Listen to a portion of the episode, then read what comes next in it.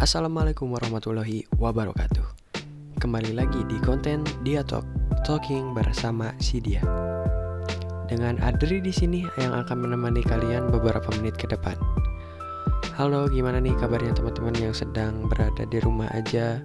Semoga selalu diberi kesehatan, selalu diberi kesabaran, selalu diberi ketabahan oleh Allah Subhanahu wa taala. Amin. Buat teman-teman yang sedang berada di luar rumah, jangan lupa dipakai maskernya. Terus buat teman-teman yang habis dari luar rumah, jangan lupa langsung cuci tangan ya.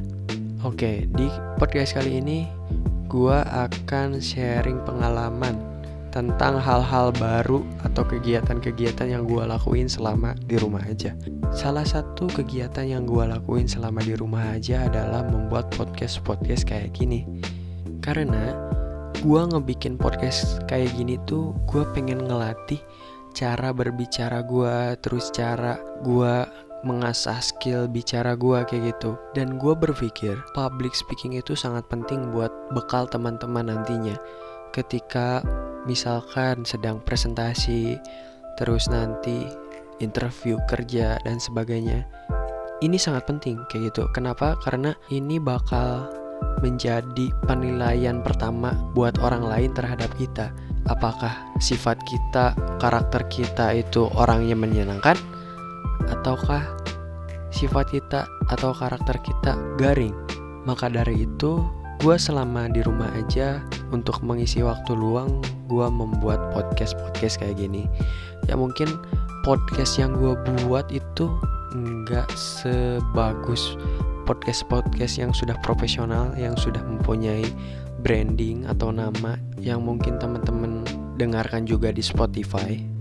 Ya karena gue di sini niat awalnya itu pengen belajar kayak gitu. Terus gue salurkan melalui YouTube, IG, dan sebagainya untuk mencurahkan ide gue gitu. Buat teman-teman yang tertarik untuk mengasah skill dan belajar bagaimana caranya bisa berbicara dengan lancar, mungkin bisa dimulai dari hal kecil dulu.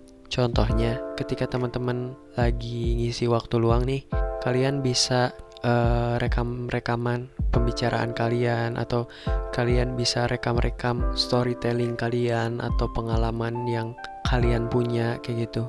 Nah, dari situ kalian bisa membiasakan untuk mengurangi uh, hening dalam pembicaraan, terus bisa mengurangi kata e dalam penyampaian teman-teman juga. Dan kalau misalkan teman-teman merasa belum puas, ya itu bisa terus diasah kayak gitu.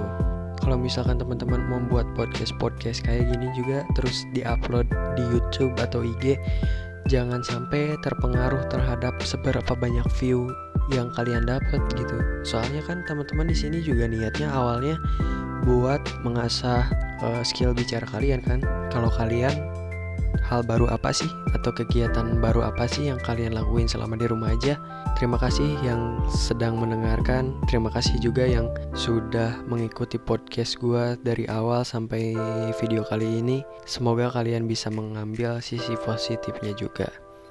Oke, mungkin segitu aja podcast kali ini. Wassalamualaikum warahmatullahi wabarakatuh.